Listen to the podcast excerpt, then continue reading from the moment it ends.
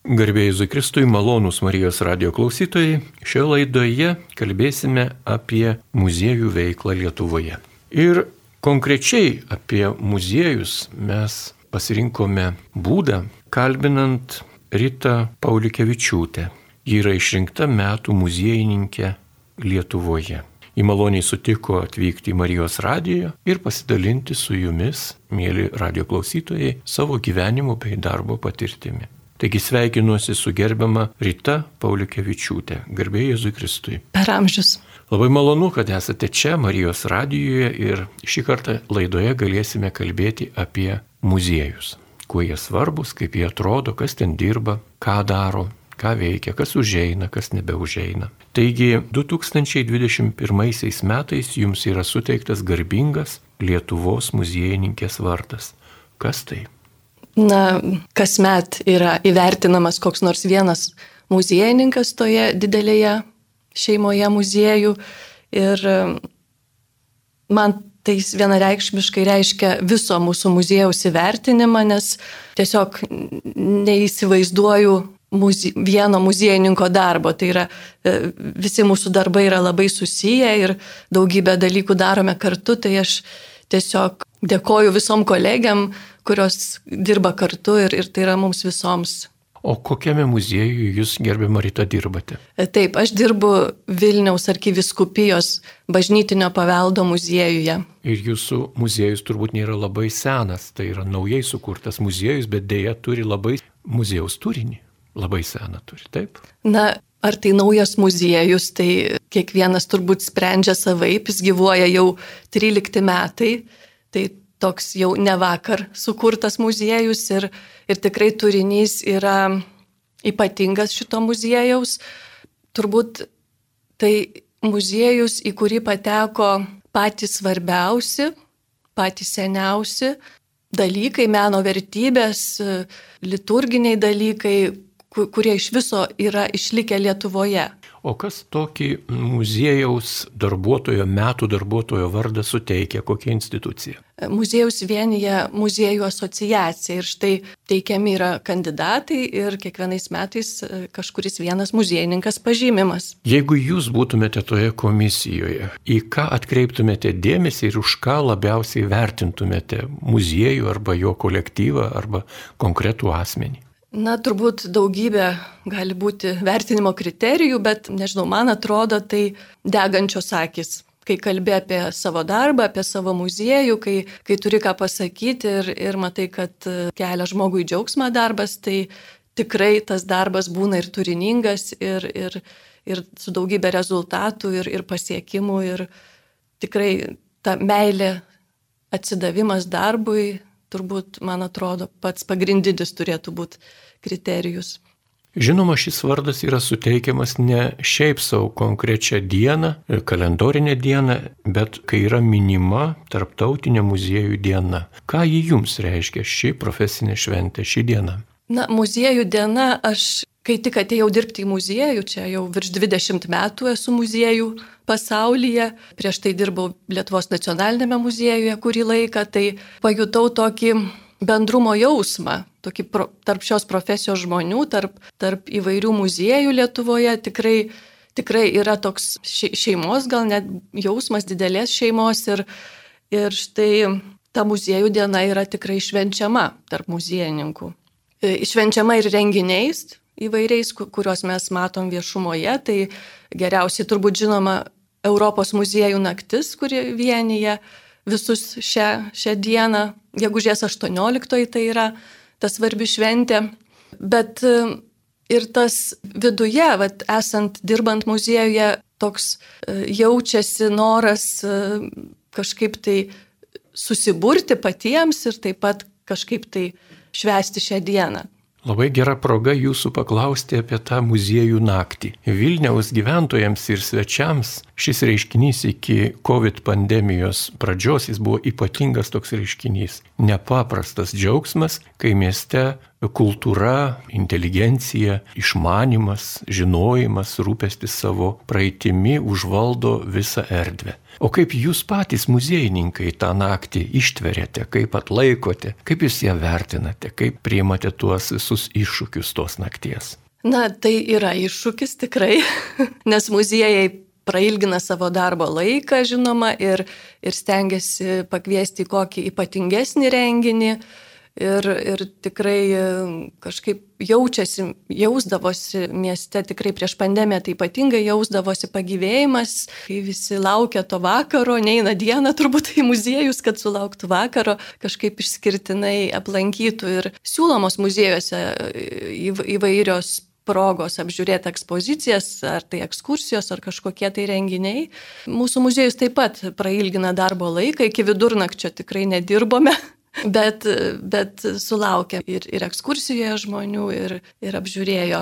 Tikrai įdomu labai šiom progom ateina tokie netikėti svečiai, kurie gal specialiai neina į muziejus, tai vad irgi muziejų diena toks muziejų populiarinimas galbūt įvyksta, teko ir būdėti tokiam progom, nes jau tada visos pajėgos mūsų sutelkiamos į, į tuos vakaro renginius, tai ir saliai pastovėti, nors šiaip turiu kitą darbą, tai tikrai labai įvairių žmonės ateina. Ar pavyko ištrūkti iš savo darbo erdvės į kitus muziejus tą, tą vakarą, tą dieną, tą naktį? Na, būtent šiais metais tai nelabai turiu prisipažinti, kažkur apsilankiau.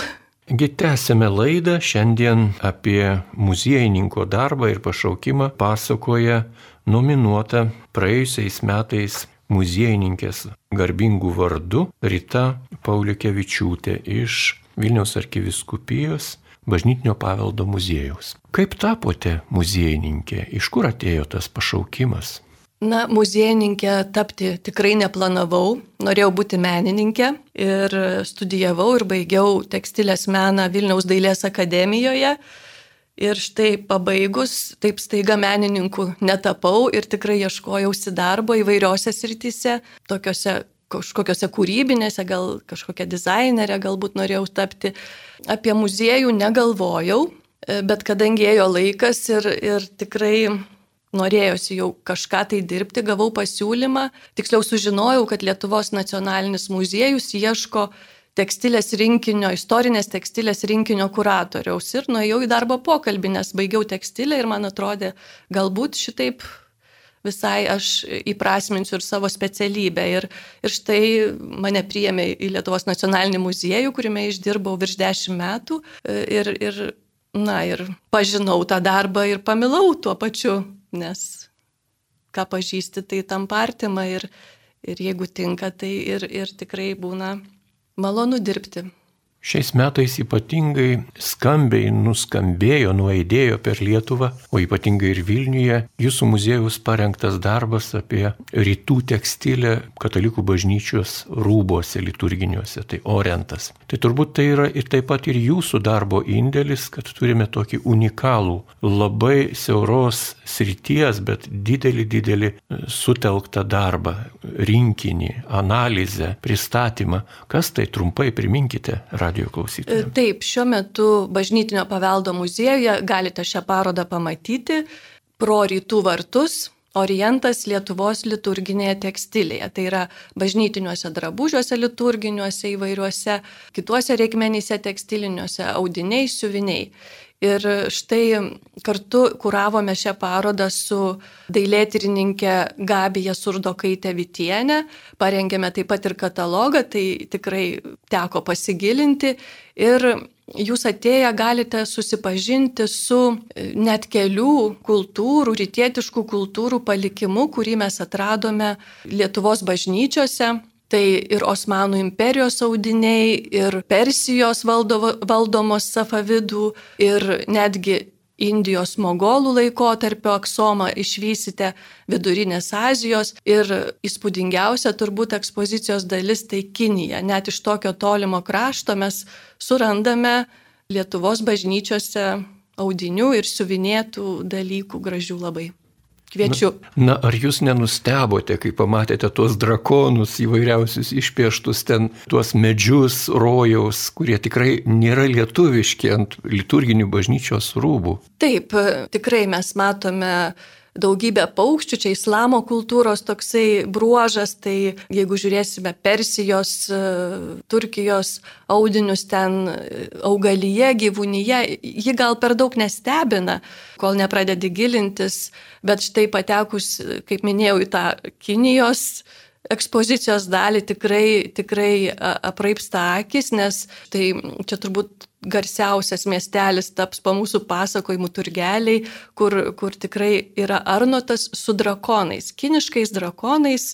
Matosi, kad tai buvęs e, greičiausiai vyriškas drabužis kažkoks, tai, kurio brangus e, siuvinėtas audinys panaudotas, matyt, paukotas bažnyčiai ir panaudotas siūti Arnotui. Ir štai toje vietoje, nugaroje įsivaizduojame, jeigu kryžių Arnoto nugaroje, pačiame centre, kur mes įpratę matyti ar Kristaus monogramą, ar kažkokį eucharistinį simbolį, Marijos, Marijos vardo raidės, štai tenai puikuojasi auksinis drakonas, vinguriuojančių gyvatės kūnų, kas būdinga kinų drakonams, jie, jie turi įvairių savybės gyvūnų. Ir Mums galbūt tai taip savotiškai atrodo katalikams iš Lietuvos, bet štai jeigu šis rūbas būtų Kinijoje, jis tokių aistringų pasakojimų nekeltų, nes drakonas Kinijos kultūroje yra tikrai teigiamas gyvūnas, mitinis gyvūnas, kuris kuris yra ir vandenų valdovas, o vanduo, žinom, gyvybė. Tai ilgus amžius buvęs imperatoriaus simbolis ir, ir žodžiu, viskas, kas e, susijęs su sėkme ir, ir gerų gyvenimu, sutelpa į šį gyvūną, drakoną. Taip natūraliai perėjome prie įspūdžių jūsų darbe, ko ir norėta jūsų klausti jau iš anksto apie įspūdžius darbe, kokius jūs patirite. Na vienas iš jų, kad Lietuvoje pagavote drakoną. Ką dar esate pagavę tekstilės audiniuose, juk tekstilė lietuviui yra ypatingai vertingas dalykas, atpažįstamas iš kartų į kartas ir toje tradicijoje, kurią išlaikė lietuvės moteris, mamos, dukros perdodamos kraitį.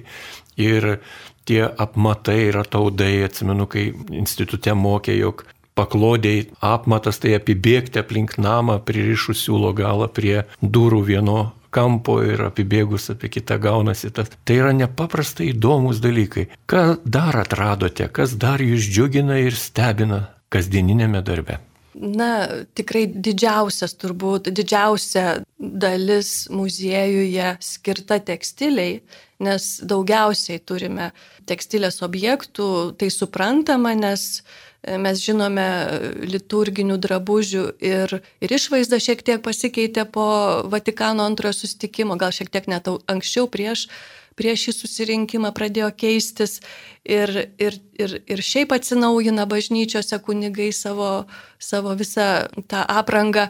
Tai labai daug e, liturginių drabužių tiesiog nugula į komodas, zakristijose ar, ar palėpėse, jie yra nebenaudojami ir štai atsiradus e, muziejui, bažnytinio paveldo muziejus, muziejui arkiviskupijoje. E, šios vertybės ir ne tik tekstilė, bet taip pat ir nebenaudojami liturginiai indai, e, kiti reikmenys procesijų ar, ar dar kita, kas randama bažnyčiose, dabar saugoma, stengiamasi saugoti, nes taip yra geriau bažnytinio paveldo muziejuje.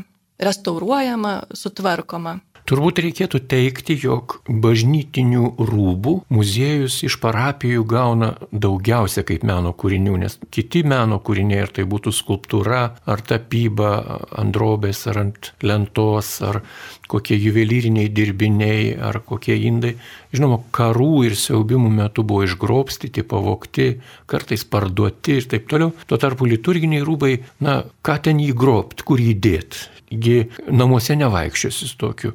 Kokiai nors nukariauto karaliaus e, pačiai taip pat nepadovanosi. Na, turbūt ir turite tą didžiulį lobį. Jūs kuravote, rodos, 17 parodų. Kokios parodos arba kokia paroda buvo pati įstabiausia, kurią įsiminėte ir prisimenate lygi šioliai? Tai kadangi čia apie tą tekstilę pradėjom ir tikrai jos yra daugiausia, tai net kelios parodos buvo skirtos liturginiams drabužiams, bet liturginiai drabužiai slepia labai daug pasakojimų. Gali daryti ir daryti tas parodas ir vis kitokį pasakojimą pasakot. Štai dabar apie rytus pasakoja, bet buvo dar dvi tokios tekstilinės parodos, kur vienoje pasakojome apie audinius, kokie audiniai pateko į bažnyčias, tai iš tikrųjų bažnyčiose turbūt atsispindi toks, jeigu čia kalbėjote apie Lietuvos kaimuose išsaugotą tokį tekstilinį paveldą, tai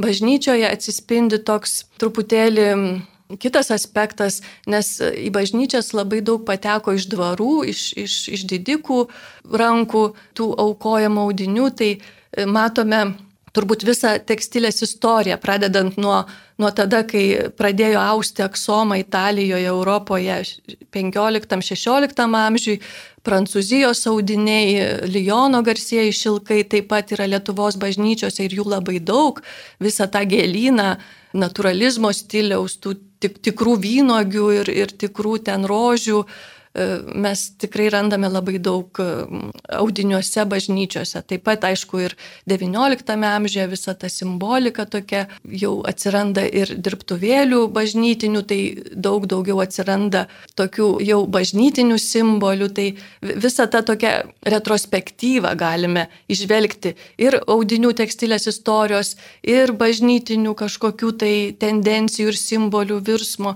žodžiu, labai daug istorijų galima išgauti iš, iš tokių nebilių, atrodo, eksponatų, kurie, kurie tarnavo bažnyčioje. Mėly radio klausytojai, jūs girdite laidą, kuri yra skirta muziejininkams, Lietuvoje dirbantiems muziejuose, istorikams, dailininkams, archivarams ir kitiems restauratoriams net ir kitiems žmonėms, kurie sugeba išlaikyti ypatingą vertę turinčius meno ir kultūros kūrinius dabarčiai, kad galėtume pamatyti į savo praeitį, ją pasididžiuoti, ją pasidžiaugti, pasigėrėti. Šioje laidoje dalyvauja muziejininkė Rita Paulikevičiūtė, dirbanti Vilniaus arkiviskupijos bažnytinio paveldo muziejuje ir praėjusiais metais tapusi Lietuvos muziejininkės laureate. Taigi Tęsiant laidą jau daug įdomių dalykų papasakojot. Minėjote apie tai, jog per tam tikrą kūrinių gausą galima atpažinti ir kitus procesus istorinius, kurie vyko. Vienas iš tokių procesų, žinoma, yra dirbtuvės arba tos manufaktūros. Ar jų daug būta Lietuvoje, Vilniuje, nežinau kur, Kaune, gal kokiuose kitose miestuose, dvaruose? Na, tekstilės kažkokių manufaktūrų didelių Taip ir kaip pavyzdžiui, Lyonas, negarsus šilko audimo centras Lietuvoje galbūt ir neatsirado, bet e, Lietuvoje šilkas pradėtas austi, Lietuvos didžiojo kunigaikštystėje turbūt teisingiau būtų pasakyti, tai yra užfiksuota, kad broduose 17 e, amžiuje Lietuvos didikas Etmonas Konetspolskis įkūrė iš tikrųjų E, šilko audimo tokią manufaktūrą savo valdose ir kas įdomu, jis netgi užveisė šilkmedžių ir šilkverpių plantaciją, kad nereikėtų importuoti labai daug šilko žaliavos. Ir štai toje savo manufaktūroje jis e, pradėjo austi, jo, jo darbininkai, audėjai pradėjo austi audinius pagal persiškų audinių pavyzdį. Tai va čia vėl truputėlį grįžtam prie rytų, nes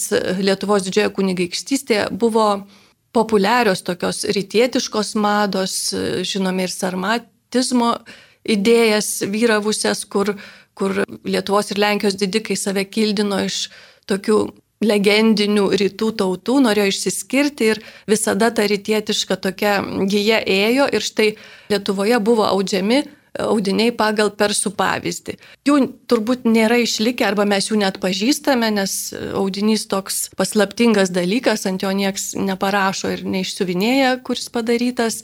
Kitas toks svarbus mūsų kultūroje reiškinys jau 18 amžiaus pabaigoje labai garsios irgi Lietuvos didikų valdose buvusios šilko audimo manufaktūros, tai Slutske, Ružanuose, Gardinė, kur buvo taip pat audžiami šilkiniai audiniai ir garsiosios kontušo juostos, toks tiesiog simbolis Lietuvos didikų, bajorų, kurios taip pat turi rytietiškas šaknis. Šitos kontušo juostos, kaip jos buvo nešiojamos?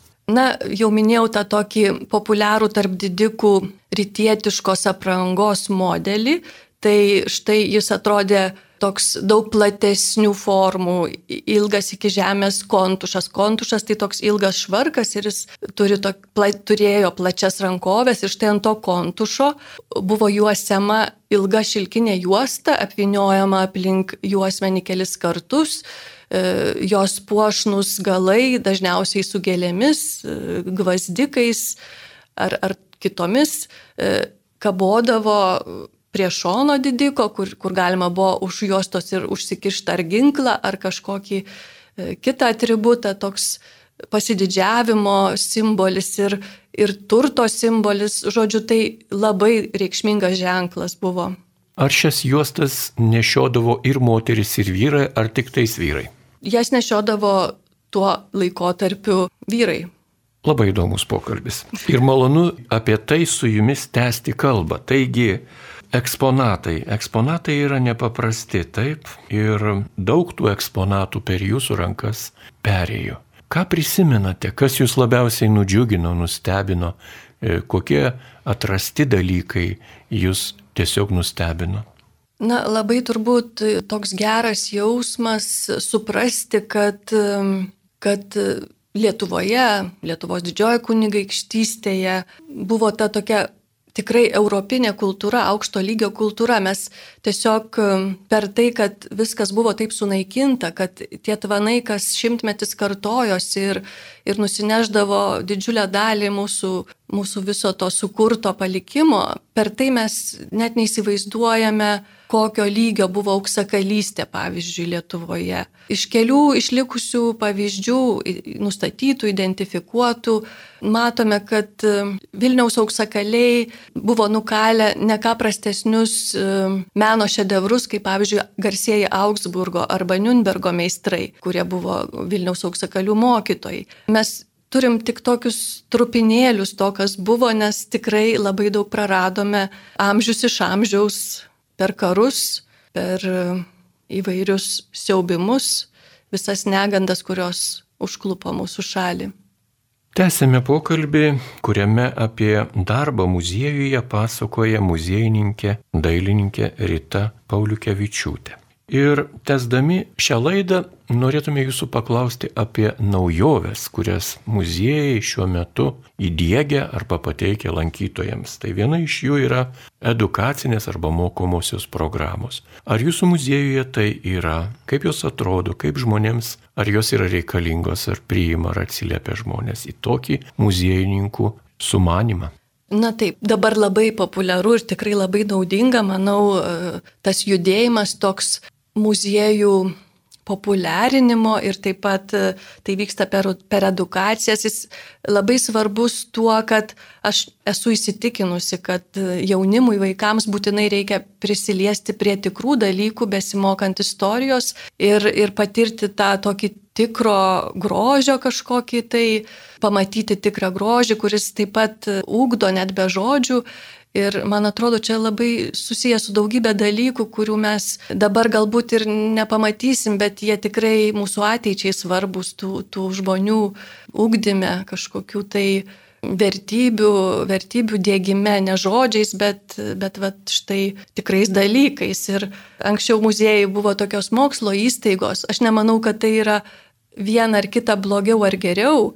Ta tokia muziejaus kaip mokslo įstaigos vizija, daugybė tyrimų buvo daroma, galbūt mažiau išorė išeidavo viskas, o štai dabar ta tendencija tokio muziejaus matomumo, populiarumo ir, ir štai edukacijos vyksta. Ir mūsų muziejai labai įdomios apie lobius apie lobių slėpimą, apie žemėlapius, taip pat archeologinių kasinėjimų aistrą galima patirti, labai kviečiame mokytojus ir grupės vaikų ir, ir, ir šeimas taip pat švesti gimtadienių, kur taip pat galima visą tai patirti. Liudiju, tikrai. Mano anūkė net du kartus gimtadienį šventė pas jūs muziejuje ir tų lobių paieškos su draugėmis iš mokyklos, tai buvo kažkas nepaprasto. Žinoma, ir teveliams tai yra didžiulis malonumas. Žiūrėti, kaip vaikai žaidžia labai rimtą žaidimą. Mokosi savo tėvynės istorijos. Ir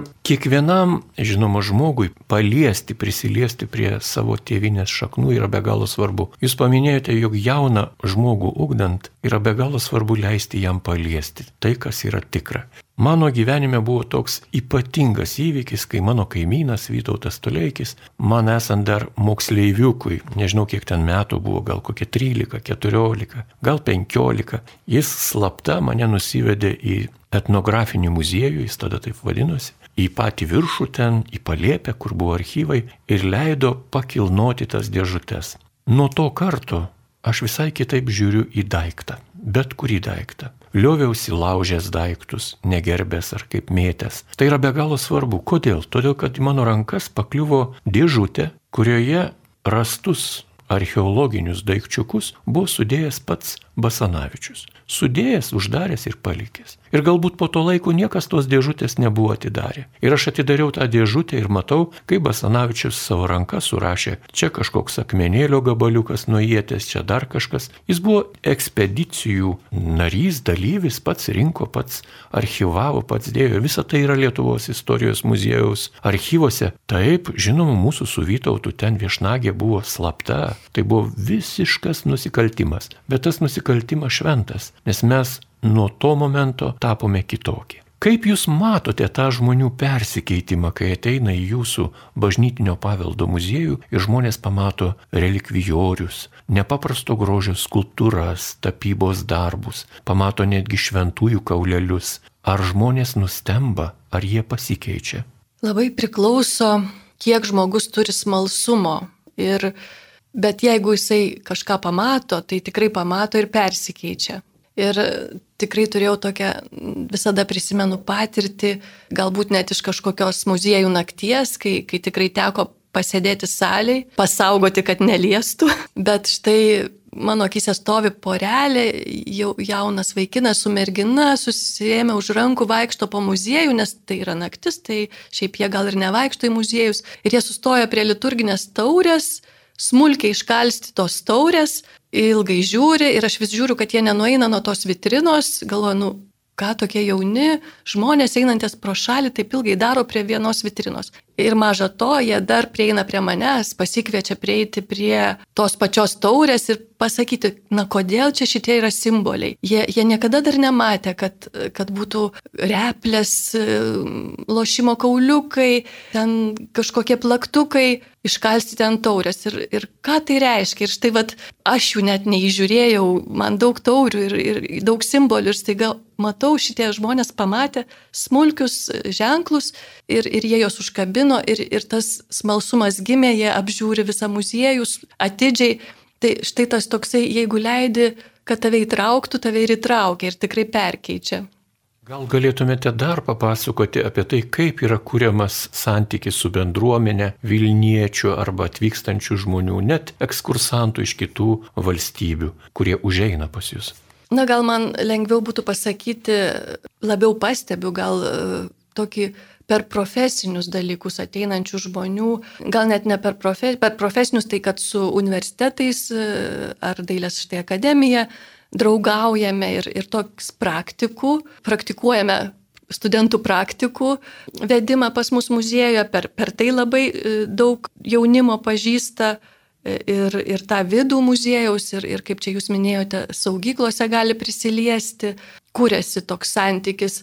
Taip pat savanorių judėjimas, jisai yra labai populiarus visame pasaulyje muziejų muziejų tarpe savanoriai darosi labai svarbus ir, ir, ir atlieka labai daug ir, ir tokių rimtų užduočių. Tai štai ir mūsų muziejuje mes kviečiame savanorius, kurie ir, ir veda ekskursijas, ir, ir padeda saugyklose, ir per tai ir toks atsiranda santykis, kai kurie sugrįžta. Tai štai tokie mūsų muziejuje santykiai. Gal galėtumėte trumpai papasakoti, kaip Lietuva atrodo pasaulinėme kontekste? Tarp kitų muziejų? Galbūt yra ryšiai kokie jūsų darbo vietoje, jūsų muziejuje, bažnytinio paveldo muziejuje, kokie ryšiai su kitais bažnytinio paveldo muziejais, o gal yra dar kažkas mums nežinoma. Na, Lietuvoje sunku galbūt labai man būtų palyginti muziejus pasaulyje ir Lietuvoje, nes e, tikrai kažkokiu tai Luvro ar Britų muziejaus ar Viktorijos ir Alberto muziejaus apimtimis tokių muziejų mes neturime, o, o jie labiausiai galbūt matosi ir su jais norisi lygintis, bet e, bendradarbiaujame Taip, bendradarbiaujame ir su viskupijų muziejais ir, ir taip pat labai draugystė mūsų užsimesgusi su Krokuvos Vavelio rūmais ir, ir, ir Varšuvos karalių rūmais, nes turime daugybę bendrų tokių sąlyčio taškų, turbūt taip galima pasakyti, ir, ir parodas kartu darome. Taip pat Gdansko archeologijos muziejus yra daręs parodą e, pas mus ir pristatęs piligrimų ženklus iš savo šventovių. Tai tas bendravimas bendravimas vyksta, o įspūdingiausias turbūt buvo bendravimas su Florencijos muziejais, kai eksponavome Švento Kazimiero relikvijorių ir pasakojame apie jo kelionę iš, iš Lietuvos į Florenciją ir Magdalenos depaciją atkeliavimą į mūsų muziejų, tai toks turbūt didžiausias buvo tarptautinis mūsų darbas. Ir pabaigai prašome iš jūsų rekomendacijos. Daugelis klausytojų turbūt, kurie šiuo metu yra su mumis kartu ir klausosi šios laidos, norėtų turbūt žinoti, kaip reikia atvykti į muziejų arba kaip reikia ateiti, kokia tai turi būti nusiteikimo forma, pasiruošimo. Gal reikia kažką peržiūrėti, paguglinti, kaip sakome dabar, paieškoti internete, galbūt reikia susitarti su gidu, vadovu, gal dar kažką reikia padaryti, gal galima turinimą savo kažkokį istorinį, meninį kūrinį galima pristatyti muziejų kaip artefaktą ar dar kažką. Kaip vyksta bendravimas ir ką jūs rekomenduotumėte tiems, kurie lanko muziejus? Na, pirmiausia, tai turbūt ateiti atvira širdimi ir tikrai tikėtis surasti, pažinti, kažką pamatyti naujo, turėti smalsumo daug ir, ir tokio gyvo domėjimosi, nes tikrai, vat, kaip pasakojau, kai, kai pamatai kažkokį vieną, leidai savo pamatyti, sutelkti dėmesį į vieną kažkokį dalyką, tas visas kamoliukas pradeda suktis ir, ir tikrai, tikrai įtraukia. Muziejų pasakojimai dabar kuriami, labai daug skiriama tam dėmesio ir jie tikrai labai įtraukiantis ir, ir, ir daug suteikiantis žinių. Tai štai, man atrodo, tas toks nusiteikimas labai svarbu, toks supratimas, kad, kad muziejus tai yra įdomi istorija ir, ir ją skaityti. Taip, žinoma, galima pasigūglinti ir, ir, ir užsi, užsiregistruoti į kažkokią specialią ekskursiją, jeigu, jeigu tuo metu yra ir, ir, ir dar aktyviau sudalyvauti kažkur, kažkokiam renginyje. Deja, mūsų laikas baigėsi šiai laidai. Myliems radio klausytojams dėkoju, kad buvote kartu šioje laidoje besiklausydami apie vieną iš Lietuvoje veikiančių muziejų, tai Vilniaus arkiviskupijos bažnytinio paveldo muziejų ir konkrečiai šio muziejaus darbuotoja, muziejininkė Rita Paulikevičiūtė, kuri yra nominuota geriausios metų muziejininkės vardu praėjusiais metais. Mes taip pat linkime gerbiamai rytai sėkmės, sveikatos, stiprybės. Muziejus yra sunki darbo vieta. Tai nėra taip paprasta dirbti muziejuje, o ypatingai prižiūrint, dabojant arba atkuriant įvairiausias meninės vertybės. Reikia turėti kruopštumo, kantrybės, reikia turėti sumanumo ir žinių. To ir linkime jums. Dėkojame Rytai Paulikevičiūtei už, už pasakojimą. Ja kalbino Liutauras Serapinas, linkėdamas likti ir toliau su Marijos radiju.